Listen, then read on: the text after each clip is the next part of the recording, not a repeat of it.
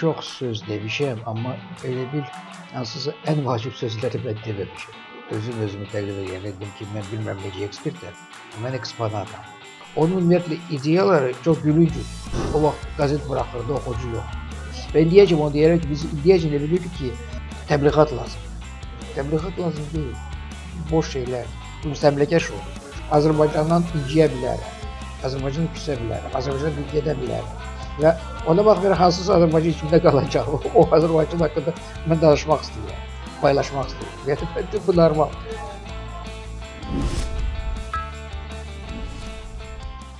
Rəhman müəllim, çox sağ olun müsahibəyə razılıq verdiyiniz üçün. E, deməli, mən bu e, maraqlı bir şey demək istəyirəm. Bu müsahibəyə hazırlaşanda mən internetdən bəzi şeylərə baxdım. E, sizdən xeyli məsələlərdə fikir soruşublar, müsahibə alıblar. Dağlıq Qarabağ mövzusundan tutmuş, qadın haqqlarına qədər ədəbiyyat, mədəniyyət, incəsənət, siyasət. Amma o bir tərəfdən bir maraqlı fikir də gördüm. Bizim ə, ə, Ağlar müəllim Ağlar Məmmədov e, belə bir şey deyib ki, biz hələ Rəhman müəllimi heç düzəməlli sual verib yetərincə danışdıra bilməmişik. Yəni bütün bu müsahibələrin, e, çıxışların fonunda hələ sizin öz yazdığınız yazılar da var. E, Ağlar müəllim belə bir fikir səsləndirir. Siz özünüz bu təəssüratla razısınız? E, doğrusu ağaların sözləri gözlənilməz oldu mənim üçün. Mən heç bilmirdim ki, elə söz deyib, amma düşünəndə görürəm ki, o düz deyir. E, çox söz demişəm, amma elə bil hansısa ən vacib sözləri mən deməmişəm. Məndə elə təəssürat var. Bəlkə yanılıram, bəlkə mənə elə gəlir ki, vacib sözüm var, bu vacib söz yoxdur. Amma əslində mən də ağlar kimi düşünürəm. Elə bil e, belə çıxır ki, onda sizə əsas suallar verməyiblər. Əsas suallarım, əsas sualım. Əsas suallar, əsas istiqaməti, əsas şey tapıblar. O vektor, vektor sualların vektoru. Yəni suallar hara aparır? Suallar e, şəxsən mənim e, mənim bu məsələlərə münasibətim açılmayıb. Mən mənə elə gəlir. Sizcə nədir o əsas sual və yaxud suallar? Nəyi əsas sual sizdən soruşulur? E, suallar siz mən elə başa düşürəm ki, dərhal e, fikirləşirəm ki, bizdə e, bizə elə gəlir ki, e, nəsə bizdən kənar hansısa dünya var və o dünya haqqında biz soruşuruq. Yəni mən həmişə çalışıram ki, deyim ki, bu bu mənim mənim mənim yaratdığım dünyadır. Mən mən belə düşünürəm. Yəni mən belə düşünürəm. Səhv ola bilər, düz ola bilər. Yəni siz o məsələlərdə yox, mənim rəyimi soruşursunuz. Yəni bu təəssürat kifayət qədər mən görməmişəm suallarda. Yəni elə bil e, mənim adım var və o addan soruşurlar. Yəni Rəhmət adında yox. Hə. Yəni mövqe öyrənirlər bir növ. Elə bir elə bir mövqe elə hə, hə mövqe öyrənirlər. O çox dəqiqdir. Müsahibə alırlar. Yəni mən məni və hətta məsələn ilk dəfə görürəm ki, kimsə mənlə söhbət edəndə mən dediklərimi oxuyub. Hə? Mən məsələn çox vaxt onu gözləyirdim ki, onlar bilsinlər ki, mən nə demişəm və desinlər ki, niyə bunu demisən? Yəni bilavasitə mənim dünyamın içinə girən olmayıb. Elə o sizin e, oxuduqlarınızla bağlı de dediniz. Mən bu e, sizin yazdıqlarınıza baxanda maraqlı bir təsadüf gördüm. Belə çox maraqlı bir təsadüf. Deməli, e, siz 37-ci ilin 28 mayında anadan olmusunuz. Yəni simvolik tarixlərdir ikisi də. Və çox maraqlıdır ki, yəni bu, bu hadisələr, yəni hər iki tarix gerçək tarixdir, yəni reallıqdır, həqiqətən baş vermiş hadisələrdir. Və bu gün e, geniş mənada Azərbaycan mədəniyyətini götürsək, bu hər iki tarix e, bizim tarixi yaddaş quruculuğumuzda çox mühüm rol oynayır. Təməl tarixlərdir. Və bəlkə də buna görə də onun ətrafında böyük miflər yaradılır. Yəni bu dəqiqə yəni gerçəkliklə yanaşı həm də bir növ mif yaratmanın obyektidir bu iki tarixdə. Sizin elə sizin də çox maraqlıdır ki, Sovet vaxtı əsas tədqiqatınız, yəni ə, araşdırdığınız iş mif və gerçəkliyin qarşılıqlı münasibətləri olub. Yəni düzdür də qorxu üzərindən aparmısınız bunu. Hı -hı. Amma yəni belə deyək də, qorxuda da mif qatı var da. Elə bil bu mənə biraz belə e, təsadüf simvolik, simvolik. Çox simvolik gəldi, hə, çox simvolik gəldi. Mən deyim bu çox maraqlı sualdır və ondan başlayım ki, əli e, bir məsələdir. Mən nə vaxtsa e, Tiflisdə idi. Birdən özüm özümü təqdim edəndə dedim ki, mən bilmirəm necə ekspertəm. Mən eksponatam. Və mən o vaxtdan özümə eksponat kimi baxıram. Və bu 28 may 37 o da o eksponatın bir açılmasıdır. Onu deyim ki, mən e, hər il atam, yəni uşaq vaxtı, uşaq deyəndə ki, məktəb vaxtı məktəbli olan vaxtdan təqvim alırdı. O e, e, təqvim asılırdı və ə, necə deyim, qopardılar qop, qopardılar biz. Ə, və o hər dəfə mən baxırdım ki, o təqvimi alınan ki, baxırdım ki, 8 mayda nə hadisə baş verib və hər dəfə sərhədçilər gününə rast gəlirdi. Və e, sonradan indi sərhədçilər günü qutardı, nə bilim Sovetlər dağıldı və s. Mən fikirləşirəm ki, mən 37-dən Sərhədçilər günündən 28 maydan tədricən geriyə çəkildi və ADR-ə tərəf çəkildi və ADR-də qabaq o dövrə çəkildi. Və doğrudan da ə, e, o dövrü kəşf edəndən sonra mən elə bir yenidən Azərbaycana oldum. Yəni o dövr dediyiniz maarifçilik dövründə. Yəni Zardabilər əkinçidən mən həmişə deyirəm, maarifçilik dövrü deyəndə ki, mən əkinçi deyirəm. əkinçi məcaz kimi e, çox şeydir. Yəni maarif deyəndə elə bir bu alınıb. Hə? Əkinçi deyəndə ki, bu, bu e, niyə, sırf əkinçi deyil. Niyə bu dövr belə e, belə deyək də, bu dövr bu qədər qiymətlidir sizin fikrinizcə? Yəni Azərbaycan mədəniyyətində, mədəniyyət tarixində çox fenomenlər var da. Amma siz məhz bu əkinçi, zərdabi, ondan başlayan maarifçilik hərəkatı, siz daha çox buna belə üstünlük verirsinizmi deyin, daha çox bunu qabardırsınız. Nə var ki, burada sizin marağınızı çəkən? E, burada iki qat var. Biri e, belə deyək, mənim taleyimin qatı e, və bir də mənim indi dünya görüşümün qatı. Bunlar bir-birinə e, bir-birinə işıq saçırlar elə bir. E, şəxsi həyatımın qatı odur ki, mən elə oldu ki, 2000-ci illərin əvvəlində, 2003-dən sonra indi mənim indi o hadisələrə münasibətim biraz bəlkə dəyişib. O vaxt çox sarsılmışdım və e, hamıya deyirdim ki, mən artıq Azərbaycan olmaq istəmirəm. Hətta belə bir intervyuda üstü örtülü onu demişdim. Belə çəkdi 3, 4, 5, 6 və 7-ci ildə Zərdəbinin 100 illiyi idi. Mən fikirləşirdim ki, Zərdəbidən bir yazı yazım, ona da Azərbaycanlıq bitsin. Yəni mən amma o Zərdəbi məni çox çəkdi. Və e, Zərdəbi başa düşdüm ki, və Zərdəbi və onun davamçıları e, o şəkillərə, o, o biz arxiv qəribədir ki, o sənədlər elə bir elmi alanda e, o, o, o dövrü canlandırır. Və mən hiss elədim ki, mənim əcdadlarım var. Yəni milli əcdadlarım var. Və bu hiss mənim üçün çox qəribə idi. Mən onacan hiss eləmirdim. Mən hiss edirdim ki, mənim nənəm var, xanım var və s. Yəni o artıq xanımım da həyatda yox idi. Amma birdən-birə mən e, hiss elədim ki, bunlar da əcdadlar. Ona görə mən indiyəcən mənim mənim Azərbaycanım, mən demirəm ki, mənim Azərbaycanım hamı üçün belə Azərbaycan. Mənim Azərbaycanım əsasən o 50 ildən başlayır o 50 ildən mən geriyə baxa bilərəm. Amma geridən baxa bilmirəm mən. Yəni mən məsələn e, həmişə belə bir sual verirəm ki, 5 dənə e, Azərbaycan yazıçısını və deyin. Ə, çox adamdan o beşliyi soruşmaq istəyirdim. Və mənim beşliyim çox sadədir. E, birinci Dədə Qorquddur. Əfsanədir, əfsanə deyil. Sonra ya ikinci ya Füzuli olur, ya da Nəsimi olur. Yəni baxın, indi Nəsimidir. Amma əsas odur ki, Dədə Qorquddur və 3 dənə Mirzədir. Ona görə mənim üçün o dövr e, daha yaxındır. O dövrü mən duyuram. E, o dövrlə məndə ünsiyyət var. Məndə məsələn, min illik Azərbaycan olub olmayıb mənim marağımdır. Ona görə mən ünsiyyət yaranmır. Almaniya mən başa çıxmıram. Amma o, o dövrü o və Zərdəbidən başlayaraq Zərdəbi axı e, şəxsiyyət kimi uğur deyil, həm məğlubiyyətlərdir. Zərdəbi xeyli məğlubiyyət olur. Yəni onun ümumiyyətlə ideyaları çox gülüncüdür. O vaxt qəzet buraxırdı, oxucu yoxdur. Pul yoxdur və s. Özəl qəzet buraxırdı və s.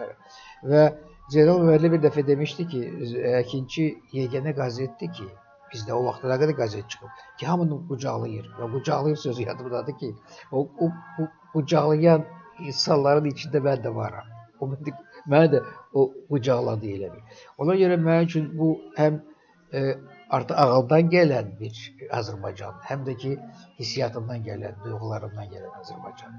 Və o Azərbaycan Həm də onu da gizlətməyək. O Azərbaycan həm də qəlbə açılışdı. O, o sterilizasiya açılışdı. Yəni qəzet, teatr, məktəb, onlar nə deməkdir? Yəni mən də Azərbaycan eli görmək istəyirəm. Və elə də görürəm. Və o Azərbaycan e, daima mənim təsəvvürümdə və məncə həyatımın gerçəyi başqa Azərbaycanlarla çarpışır deyəcəm. Rəhman müəllim, siz bir də Dədə Qorqud dediniz. Elə sizin dissertasiyanızda Dədə Qorqud haqqındadır. Yəni e, Dədə Qorqudda mif, reallıq və s. bunları araşdırmısınız və çox maraqlıdır ki, ə, e, həmin ə, e, dövrdə o mövzu o mövzular ətrafında yazan adamlar daha çox çalışırdı, çox ideoloji yazsın, lazımdan artıq ideoloji yazsın.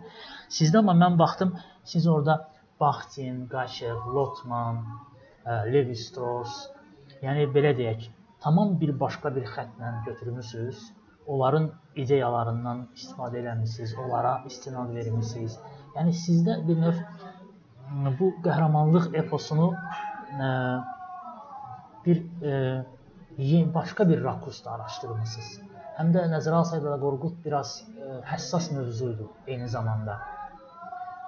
Məsələn, siz mən bildiyimə görə inşaat mühəndisliyi oxumusunuz. Amma sonra keçmisiniz mədəniyyətşünaslığa. Amma orada seçiminiz maarifçilik yox, Dədə Qorqud olub. Düzdür. Bu siz necədir? Məsələ ondadır ki, mənim e, birinci dilim Azərbaycan dili olub. Hə? Yəni mənim nənəm böyüdüb 7 yaşına qədər. Nənəm bir dilli olub. E, mən həmişə deyirəm, nənəm Azərbaycanlı olduğu qədər Şuşalı idi. Yəni əslində onun dedikləri də, xərəkləri də, e, Onlar hamısı Şuşa idi. Yəni o, o, o biz elə bilirik ki, dərhal Azərbaycan yarandı. Azərbaycan yox, onlar regional bir insanlar idi.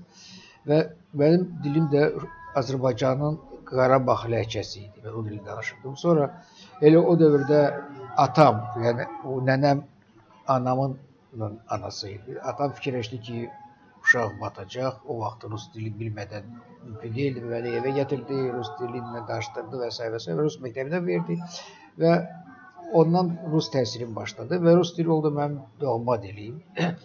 və e, mən müəyyən dərəcədə hiss edirdim ki, mən hansısa köklərdən ayrılmışam və SSR-də o dövrdə mən dissertasiyada fikirləşirdim. Fikirləşdim ki, onsuz da yazıramsa, birinci mən ona ciddi yanaşırdım. E, bu peşəni seç, seç, ona görə seçmirdim ki, rahat həyat olsun. Ona görə ki, bu bu sahə mən bildik mən cazibəlidir, mənə maraqlıdır. Və onda fikirləşdim ki, bunun bir növrəsi Dədə Qorquddur.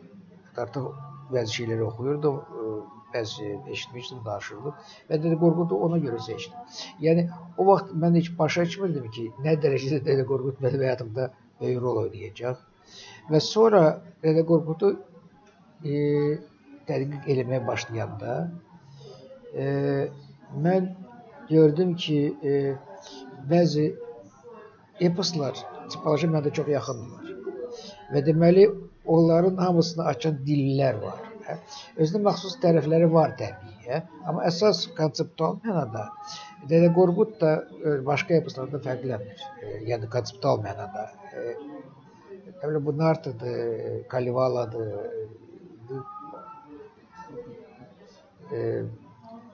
Skandinaviya eposları var adı yadıma çıxdı.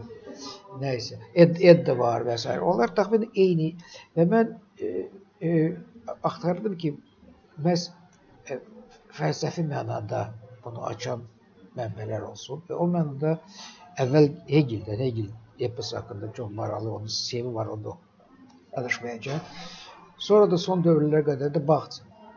Bu, bu iki insanın e, müəyyən dərəcə Losivin e, Amir haqqında yazısı var. Amma əsas Baxçının e, işi mənim üçün çox vacib oldu.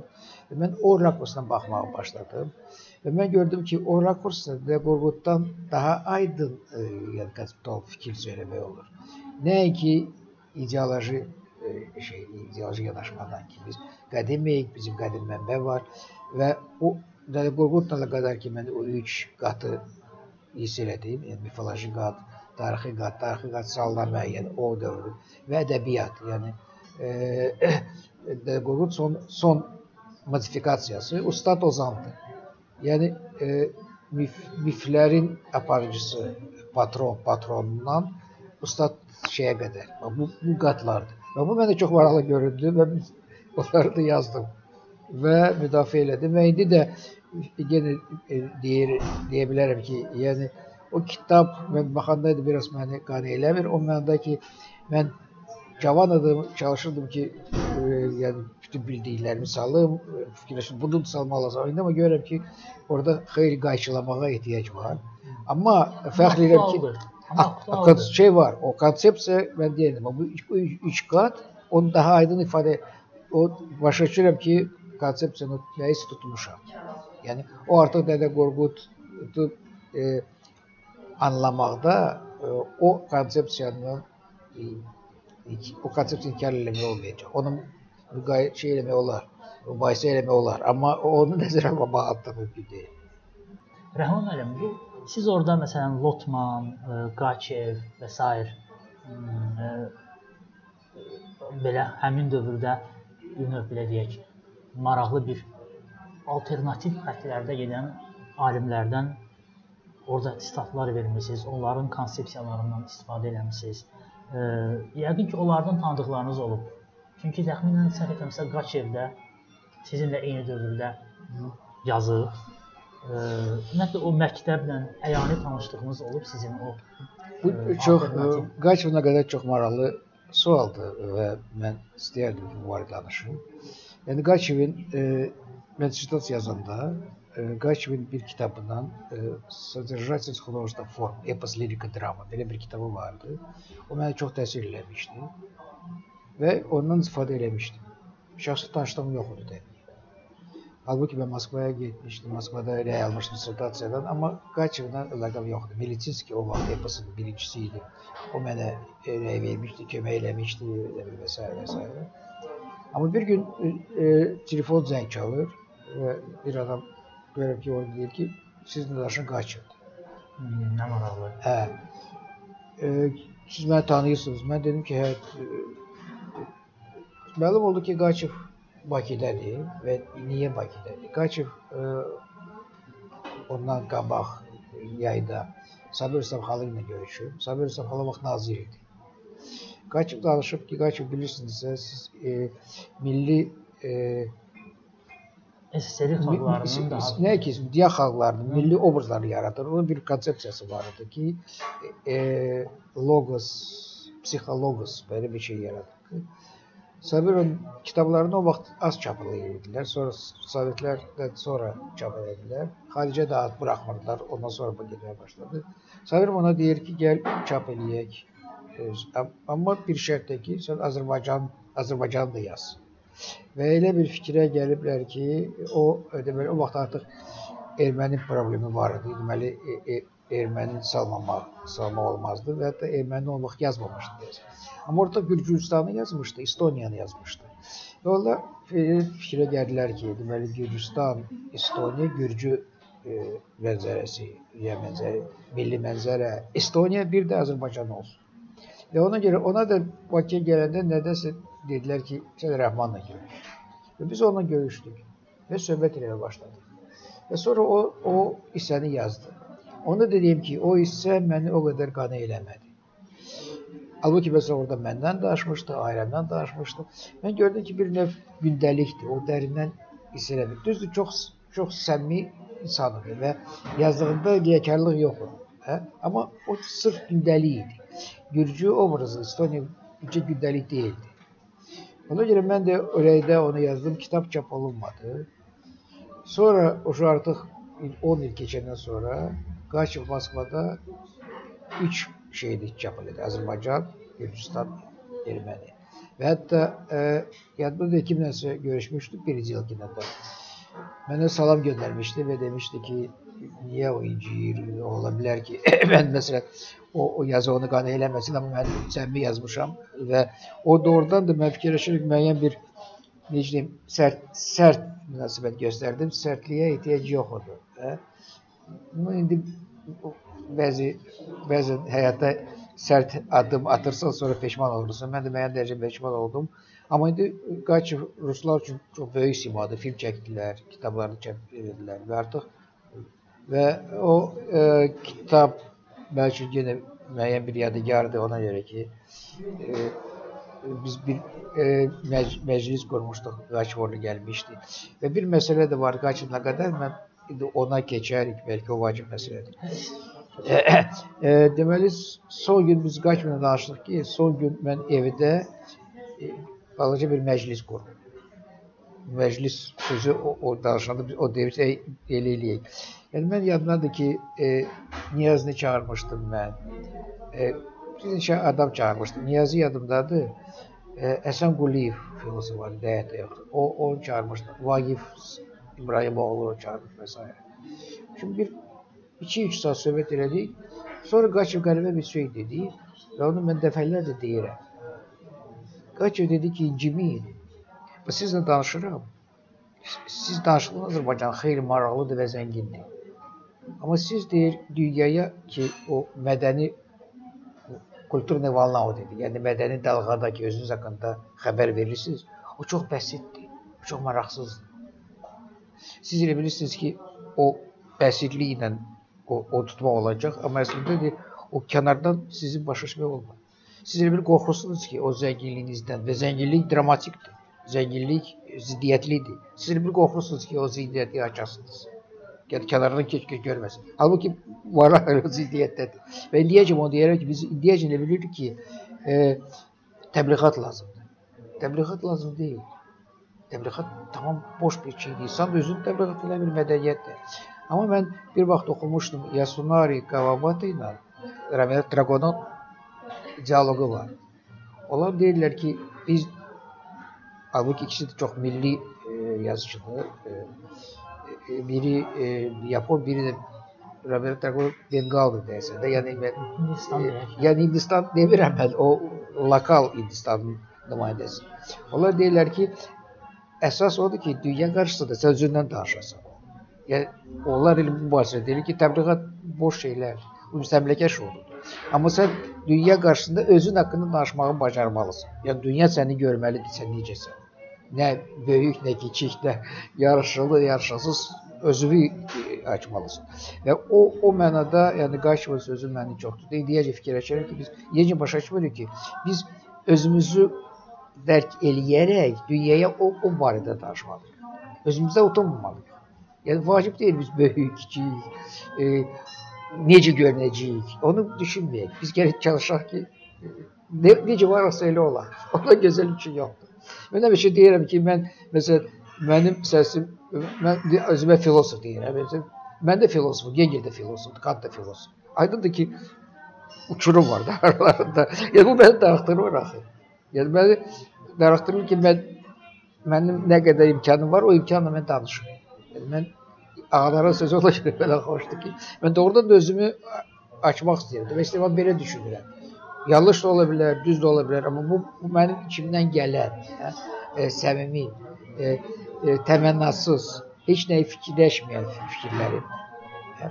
Və mən məsələn Azərbaycandan inciyə bilərəm. Azərbaycandan küsə bilərəm. Azərbaycandan gedə bilərəm. Və ona baxmayaraq hansısa Azərbaycan içimdə qalacaq. O Azərbaycan haqqında mən danışmaq istəyirəm paylaşmaq istəyir. Yəni bu normal.